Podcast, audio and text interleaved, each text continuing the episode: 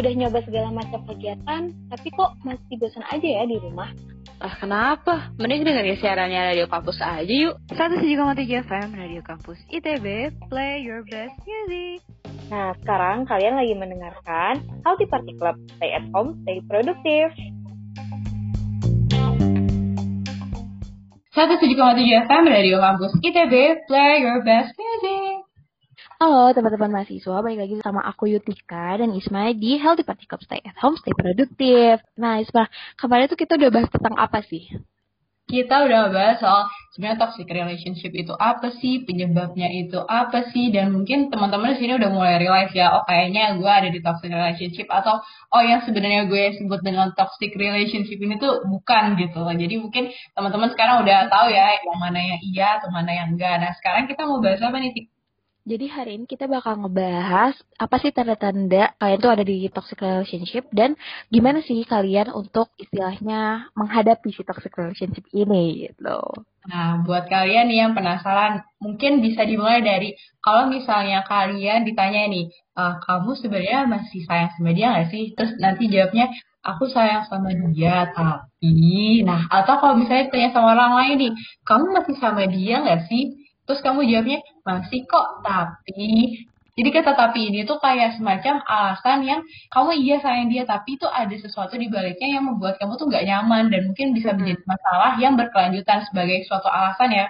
Jadi mungkin aku akan review gitu. Toxic relationship itu tuh suatu hubungan di mana negatifnya gitu yang menonjol dan secara berkelanjutan. Nah, memang nih. Nah, jadi si tapinya ini tuh bisa banyak banget anaknya. Misalnya, kamu tuh sayang dia gitu, sayang doi gitu tapi doinya tuh nggak peduli sama keluarga kamu, sama orang-orang sekitar kamu, bahkan condong ke tidak menghormati dan tidak menghargai gitu. Nah, kalian pernah nonton mungkin satu film baru banget rilis dan pemeran utama cowoknya itu adalah seorang penyanyi. Nah, di film itu kan kalian bisa lihat tuh pacar pertama ceweknya itu memperlakukan si ceweknya kayak gimana. Nah, itu tuh yang dinamain udah mulai toxic relationship. Di mana saat si doi kamu ini nggak bisa menghargai apa yang kamu lakukan, nggak bisa menghargai atau menerima keluarga kamu, teman-teman terdekat kamu, dan condong untuk menjelek-jelekan hal itu gitu. Condong untuk sampai akhirnya bikin kamu tuh harus milih antara teman-teman kamu atau keluarga kamu dengan si doi ini gitu. banget dan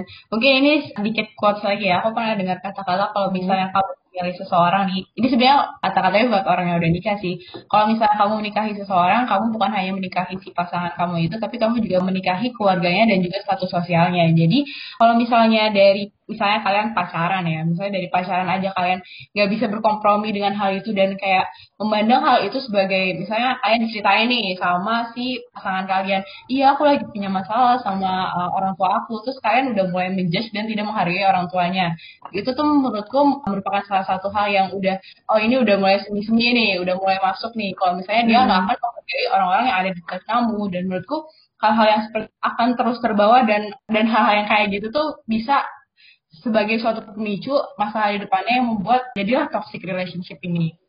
Bener banget. Nah, tapi kamu harus beda ini, mana yang toxic, mana yang emang pengen menyelamatkan kamu. Misalnya kayak gini, kamu punya teman-teman terdekat, ini pasti banyak kan teman-teman sih, karena jarang banget kalau ke orang tua gitu kan. Nah, misalnya kamu punya teman-teman terdekat, terus kamu sering main sama teman-teman ini, tapi si pasangan kamu ini, doi kamu ini nggak suka gitu. Ini kan sebenarnya kalau kita lihat dari satu sisi pandang, wah toxic banget nih, ngelarang-larang gue buat temenan sama teman gue dan segala macam. Tapi kamu harus lihat gitu, siapa teman kamu ini gitu. Apakah teman kamu ini orang yang teman teman atau pergaulan yang baik untuk kamu atau bukan gitu. Jadi kalau menurut aku jangan mentang-mentang dilarang terus kamu mikirnya dia toksik tapi lihat dulu alasan kenapa dia melarang gitu. Kalau misalnya alasan dia melarang itu nggak logis gitu ya. Kayak misalnya yang nggak suka aja abis ceweknya banyak atau yang nggak suka aja abis kalau kamu sama mereka kamu lupa waktu sama aku. Nah itu kan sebenarnya rada ah, apaan sih gitu. Kok alasannya gini gitu. Tapi kalau misalnya alasannya karena kayak misalnya kalau kamu bareng sama teman-teman kamu kamu tuh jadi lupa loh harus ngejain banyak hal yang lain. Contohnya kamu jadi sering membal kelas misalnya atau kamu tuh jadi suka apa mengonsumsi barang-barang yang kurang berkenan gitu atau kamu tuh jadi meninggalkan Tuhan gitu. Jadi si pasangan kamu itu tuh melarang karena ada hal-hal positif yang kamu tinggalkan karena kamu bersama teman-teman. Jadi harus di apa ya rada di filter dikit lah mana yang toksik mana yang demi kebaikan. Demi kebaikan, benar gitu. Betul banget. Salah satu hal lagi nih ya yang mungkin bisa membuat kamu ngerasa kamu ada dalam toxic relationship adalah ketika kamu nggak bisa menjadi diri kamu sendiri gitu di depan dia.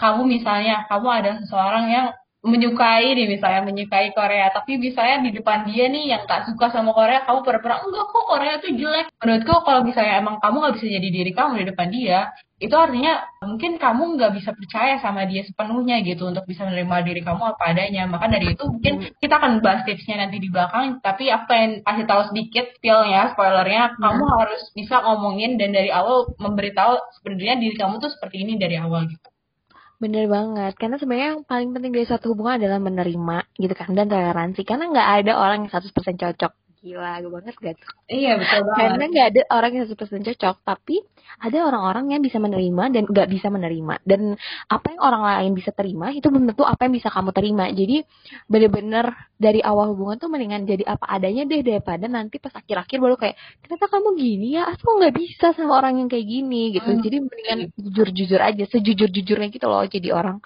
ya gue hmm. kayak gini ya gue gini gitu tapi bukan berarti gimana ya ada kata-kata se apa adanya orang pasti ada kurangnya gitu kan dan sekurang-kurangnya orang orang juga pasti pengen menjadi versi yang terbaik gitu loh dari dirinya tapi bukan dari orang lain. Nah, di sini tuh adalah fungsinya kalian sebagai pasangannya untuk membantu dia gitu menjadi versi yang terbaik dalam diri dia sendiri. Kayak gitu. Ada lagi nih contohnya, misalnya kamu sayang doi nih, tapi kamu ngerasa nggak bisa ngungkapin keberhasilan kamu dengan alasan takut menyinggung. Nah, ini tuh biasanya dialami sama cewek mungkin banyak kali ya yang relate kayak, wow. uh, aku mungkin pendidikannya lebih tinggi dari pasangan hmm. aku. Atau aku punya pekerjaan yang lebih mapan dari pasangan aku. Nah kamu nggak bisa mungkin menceritakan secara gamblang apa yang kamu lakukan ketika kamu mencapai pendidikan yang lebih tinggi ini. Atau mungkin kamu punya penghasilan yang lebih kamu kayak saya naik jabatan nih kamu nggak bisa bilang ke pasangan kamu. Nah mungkin hal itu bisa jadi karena mindset kamu sendiri berpikir bahwa mungkin akan ini biasanya dialami oleh wanita ya bahwa si cowok ini tuh egonya tinggi atau memang egonya tinggi. Nah ini sebenarnya menurutku harus banget diomongin baik-baik di awal dan kalian tuh harus gitu jalan tengahnya tuh pengen kayak gimana. Betul betul banget karena kalau aku aku punya pandangan sendiri ya tentang hal ini sebenarnya adalah perempuan juga nggak ada masalah kok kalau punya karir yang lebih tinggi kalau punya pendidikan yang lebih tinggi. Itu tuh balik lagi ke tentang saling menghargai dan saling menerima satu sama lain gitu. Apakah kamu itu kita gitu sebagai perempuan masih bisa menghargai pasangan kita yang cowok walaupun misalnya satu sosialnya misalnya pekerjaannya atau penghasilannya di bawah kita atau uh, pendidikannya di bawah kita itu tuh bener-bener dari dari situnya gitu loh kalau kamu bisa menghargai dan dia juga bisa menerima kelebihan kamu dari sisi itu ya ujung-ujungnya tuh bisa naikin satu sama lain loh. Misalnya cowoknya tuh punya ego tinggi gitu, tapi dia bisa menerima keberhasilan ceweknya. Di situ cewek bakal mikir, gue juga harus kayak gitu. Nah, itunya itu enggak sih yang jadi bikin kamu tuh berkembang dalam suatu hubungan? Ya, betul banget. Saling mendukung satu sama hmm. lain. Yang mungkin ini bisa dibedain ya, tapi saling mendukung satu sama lain sama saingan satu sama lain. Jadi, hmm, nah. dengan kamu misalnya melihat pasangan kamu dengan satu sosial yang lebih tinggi, kamu kayak mungkin punya motivasi lebih untuk bisa mencapai satu sosial tersebut. Beda dengan ketika kamu aku punya pasangan uh, pasangan aku kayak tapi aku harus lebih kaya dari dia. Nggak gitu caranya gitu. Hmm, jadi benar -benar. aku harus bisa bedain gimana sih sebenarnya bisa saling mendukung dengan uh, bersaing gitu satu sama lain dan menurutku kalau yeah. misalnya kalian bersaing nggak akan ada habisnya gitu dan malah akan memperburuk hubungan kalian gitu. Hmm, benar-benar karena hakikatnya hubungan itu tuh mau sama siapa aja ya menurut aku mau sama teman, mau sama pasangan tentunya. Kalau udah dalam kata kompetisi itu malah bikin capek satu sama lain gitu kayak oh. aku yang benar kamu yang salah kamu yang salah aku yang benar itu tuh nggak akan ada habisnya gitu iya gak sih Betul banget dan mungkin selain itu jangan lupa untuk sekali lagi komunikasikan ngobrol bareng-bareng karena mungkin di antara kalian ada satu atau dua-duanya bisa menyelesaikan dengan komunikasi ataupun kompromi gitu. Betul. Terus apa lagi nih mah? Aku sayang doi tapi apa lagi nih? Nah, kamu sayang doi tapi terlalu banyak perbedaan di antara kalian. Hmm. Sebenarnya perbedaan itu tuh hal yang wajar ya, nggak mungkin aku dengan pasangan aku 100% sama, hobinya hmm. sama, makanan kesukaannya sama. Tapi ketika kamu terlalu banyak perbedaan dengan pasangan kamu nih, udah gitu sampai di tahap prinsip hidup kalian berbeda kan hmm. banyak yang mungkin pasangan-pasangan yang bercerai pada akhirnya karena aku ngerasa aku udah gak sejalan lagi nih sama dia. Aku ngerasa prinsip aku udah gak sama lagi nih sama dia. Nah ini tuh mungkin disebabkan karena mungkin kurang diomongin di awal terhadap perbedaan ini kayak ya udahlah aku terima aja aku sayang dia gitu kan. Nggak bisa gitu ya teman-teman. Kalau misalnya kalian emang udah dalam suatu hubungan kalian udah terlalu merasa banyak perbedaan dan gak bisa sekali lagi diomongin menurutku ya pilihan lainnya daripada kalian malah untuk malah berpisah ketika kalian sudah menikah, mungkin kita udahinnya ketika kalian masih dalam status pacaran atau berhubungan. Hmm, bener banget nih aku setuju banget kayak gitu. Nah, betul ya teman-teman, semua yang kita omongin tadi kayak tanda-tanda kalian itu bisa ngeliat ini hubungannya tuh toksik atau enggak, itu kita kutip dari rahasia gadis kayak gitu. Jadi kalau misalnya kalian mau tahu atau misalnya tanda-tanda yang kita kasih ini masih kurang, kalian bisa baca lagi nih di rahasia gadis lebih lengkap itu kayak gimana. Betul banget. Nah, nextnya kita ngobrol soal apa nih? adalah gimana sih caranya kamu untuk menghadapi si toxic ini gitu. Misalnya kan tadi ada satu di mana dia bilang kayak aku sayang sama uh, pasangan aku tapi aku nggak bisa jadi diri sendiri. Nah, di sini tuh dibilang kalau misalnya kamu tuh nggak bisa jadi diri sendiri gitu ya, nggak ada solusi lain selain berusaha untuk menampilkan diri kamu sendiri. Karena yang aku bilang tadi, sebenarnya sejelek-jeleknya kamu, maksudnya seburuk-buruknya sifat kamu, kamu tuh harus bisa menampilkan hal itu biar kamu bisa lihat juga apakah pasangan kamu itu bisa menerima kamu apa adanya atau enggak. Karena nggak mungkin selamanya kamu nutup-nutupin aslinya kamu tuh kayak gimana. Betul banget. Gitu. Jadi better late than never teman-teman. Karena misalnya kalau kamu sekarang nih udah buru jadi orang yang fake di depan pasangan kamu dan sekarang kamu pengen ubah ya nggak apa-apa terlambat. Daripada kalian eh, nggak pernah kasih tahu dan pasangan kamu tuh udah baru tahu nih kamu ternyata seperti itu tuh di akhir dan kalian udah nggak bisa ngubah apa-apa gitu. Kayak pasangan kamu akan tetap tidak suka kamu tidak bisa berubah kan agak kelas ya susah ya teman-teman. Jadi menurutku misalnya dari awal banget kalian sudah memutuskan untuk bersama paparkan sebenar-benarnya diri kalian itu dari awal. Jangan ada yang ditutup-tutupi. Mungkin nggak harus semuanya banget tapi secara berkala gitu teman-teman. Ya benar banget. Dan jangan sampai kalian ngerasa di hubungan itu kalian kehilangan diri kalian sendiri. Ah itu wah jangan sampai. Kayak nah lanjut nih. Kalau misalnya dia tidak bisa menghargai gitu ya menghargai orang-orang terdekat kalian gitu. Kayak ya misalnya orang tua teman sahabat dan segala macam. Coba kasih pemahaman gitu Nah, pemahaman di sini tuh kayak misalkan dia nggak suka kamu deket sama seseorang karena orang ini tuh punya track record di masalah uh, di percintaan kamu. Misalnya dia mantan kamu lah atau mungkin kamu pernah suka sama dia tapi kasih tak sampai lah gitu kan. Terus jadi bikin kayak si pasangan kamu ini nggak suka ah kamu nanti ini lagi apa CLBK segala macam. Ya istilahnya takut kamu tuh kecantol lagi gitu ya. Nah ya kamu bisa jelasin gitu dari sisi kamunya tuh kamu udah kayak gimana gitu. Kasih dia pemahaman yang akhirnya bisa dia terima dan akhirnya bisa membuat dia juga menerima sih teman-teman terdekat kamu ini kayak gitu. Iya betul banget.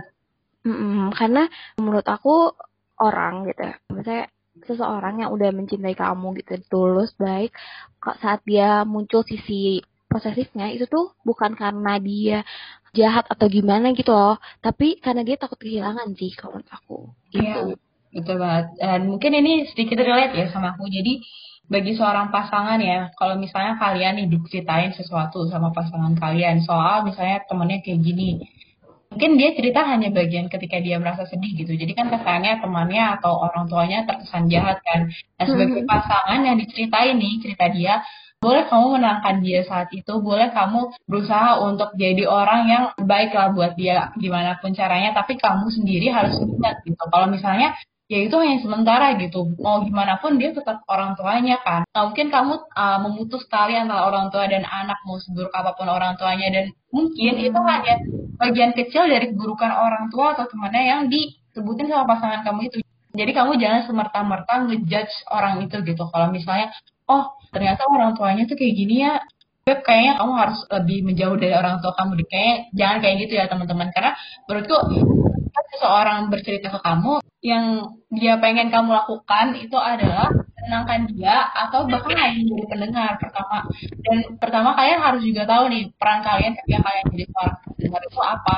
Apakah si yang bercerita pasangan kalian yang bercerita ini tuh pengen hanya didengar atau dikasih saran. Takutnya ketika kalian memberi saran seperti itu hubungan kalian malah merenggang karena sebenarnya maksud dari pasangan kalian tuh nggak separah itu gitu teman-teman jadi harus lihat motivasinya juga ya Eh ya bener banget tuh. Aku setuju banget sama Isma. Jadi jangan terlalu terlalu mentah-mentah lah ya. Ibaratnya memposisikan diri di, di situ hanya sebagai penenang gitu, bukan orang yang tahu segalanya. Mm-mm. Apalagi adu domba, jangan ya teman-teman.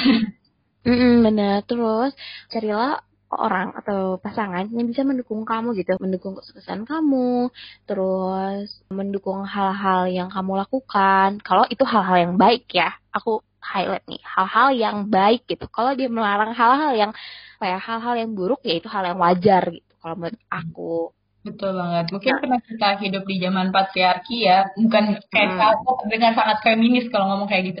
Mungkin masih banyak orang yang menganut paham patriarki di mana wanita itu harusnya uh, di rumah atau nggak melakukan apa pun mm -hmm. sekarang kamu bisa nih pelan-pelan kasih tahu kalau misalnya emang pasanganmu masih seperti itu kamu kasih tahu aku bisa berkembang tapi tanpa melupakan kamu gitu Mantap. tanpa menginjak-injak harga diri kamu jadi tenang aja dan kamu sebagai wanita ya pegang teguh uh, apa yang udah kamu katakan ke pasangan kamu jangan seperti itu gitu siapa yang kamu katakan ya, benar.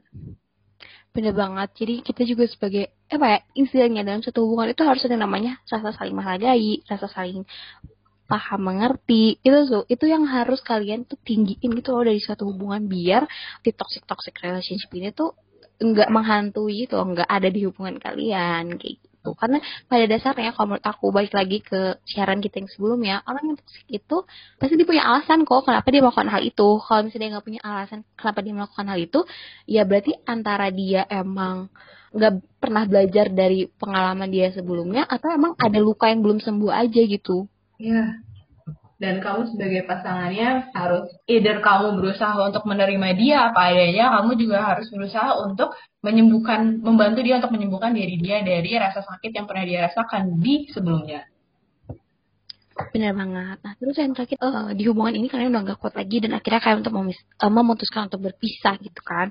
Aku tahu ini bakal sedih banget ya kayak aku sama apalagi biasanya kalau yang toxic relationship itu terjalin hubungannya udah kayak bertahun-tahun gitu kan biasanya biasanya hmm. nih. Nah, kalian memutuskan untuk oke okay, udah gue gak kuat, gue pengen pisah, itu pasti ada kayak aduh apa ya lebar banget gitu udah udah bertahun-tahun sama orang ini gitu udah udah ngejalin banyak hari sama orang ini sayang banget dan segala macam kuncinya adalah kamu harus tetap mencintai diri kamu kan? Dan kalau dengan bersama dia kamu nggak bisa mencintai diri kamu dengan bersama dia kamu nggak bisa berkembang dalam hubungan itu ya udah tinggalin. Dan pikirannya tuh kayak oh mungkin ini tuh adalah jalan di mana uh, dari hubungan ini tuh aku bisa belajar lebih banyak lagi gitu, gitu. Tentang hubungan sesama manusia itu harusnya seperti apa sih gitu. Betul banget. Jadi kalau dari aku pribadi sebagai orang yang pernah gagal dalam satu hubungan, ya kalau buat aku toxic relationship itu akan ada ketika kamu dan pasangan kamu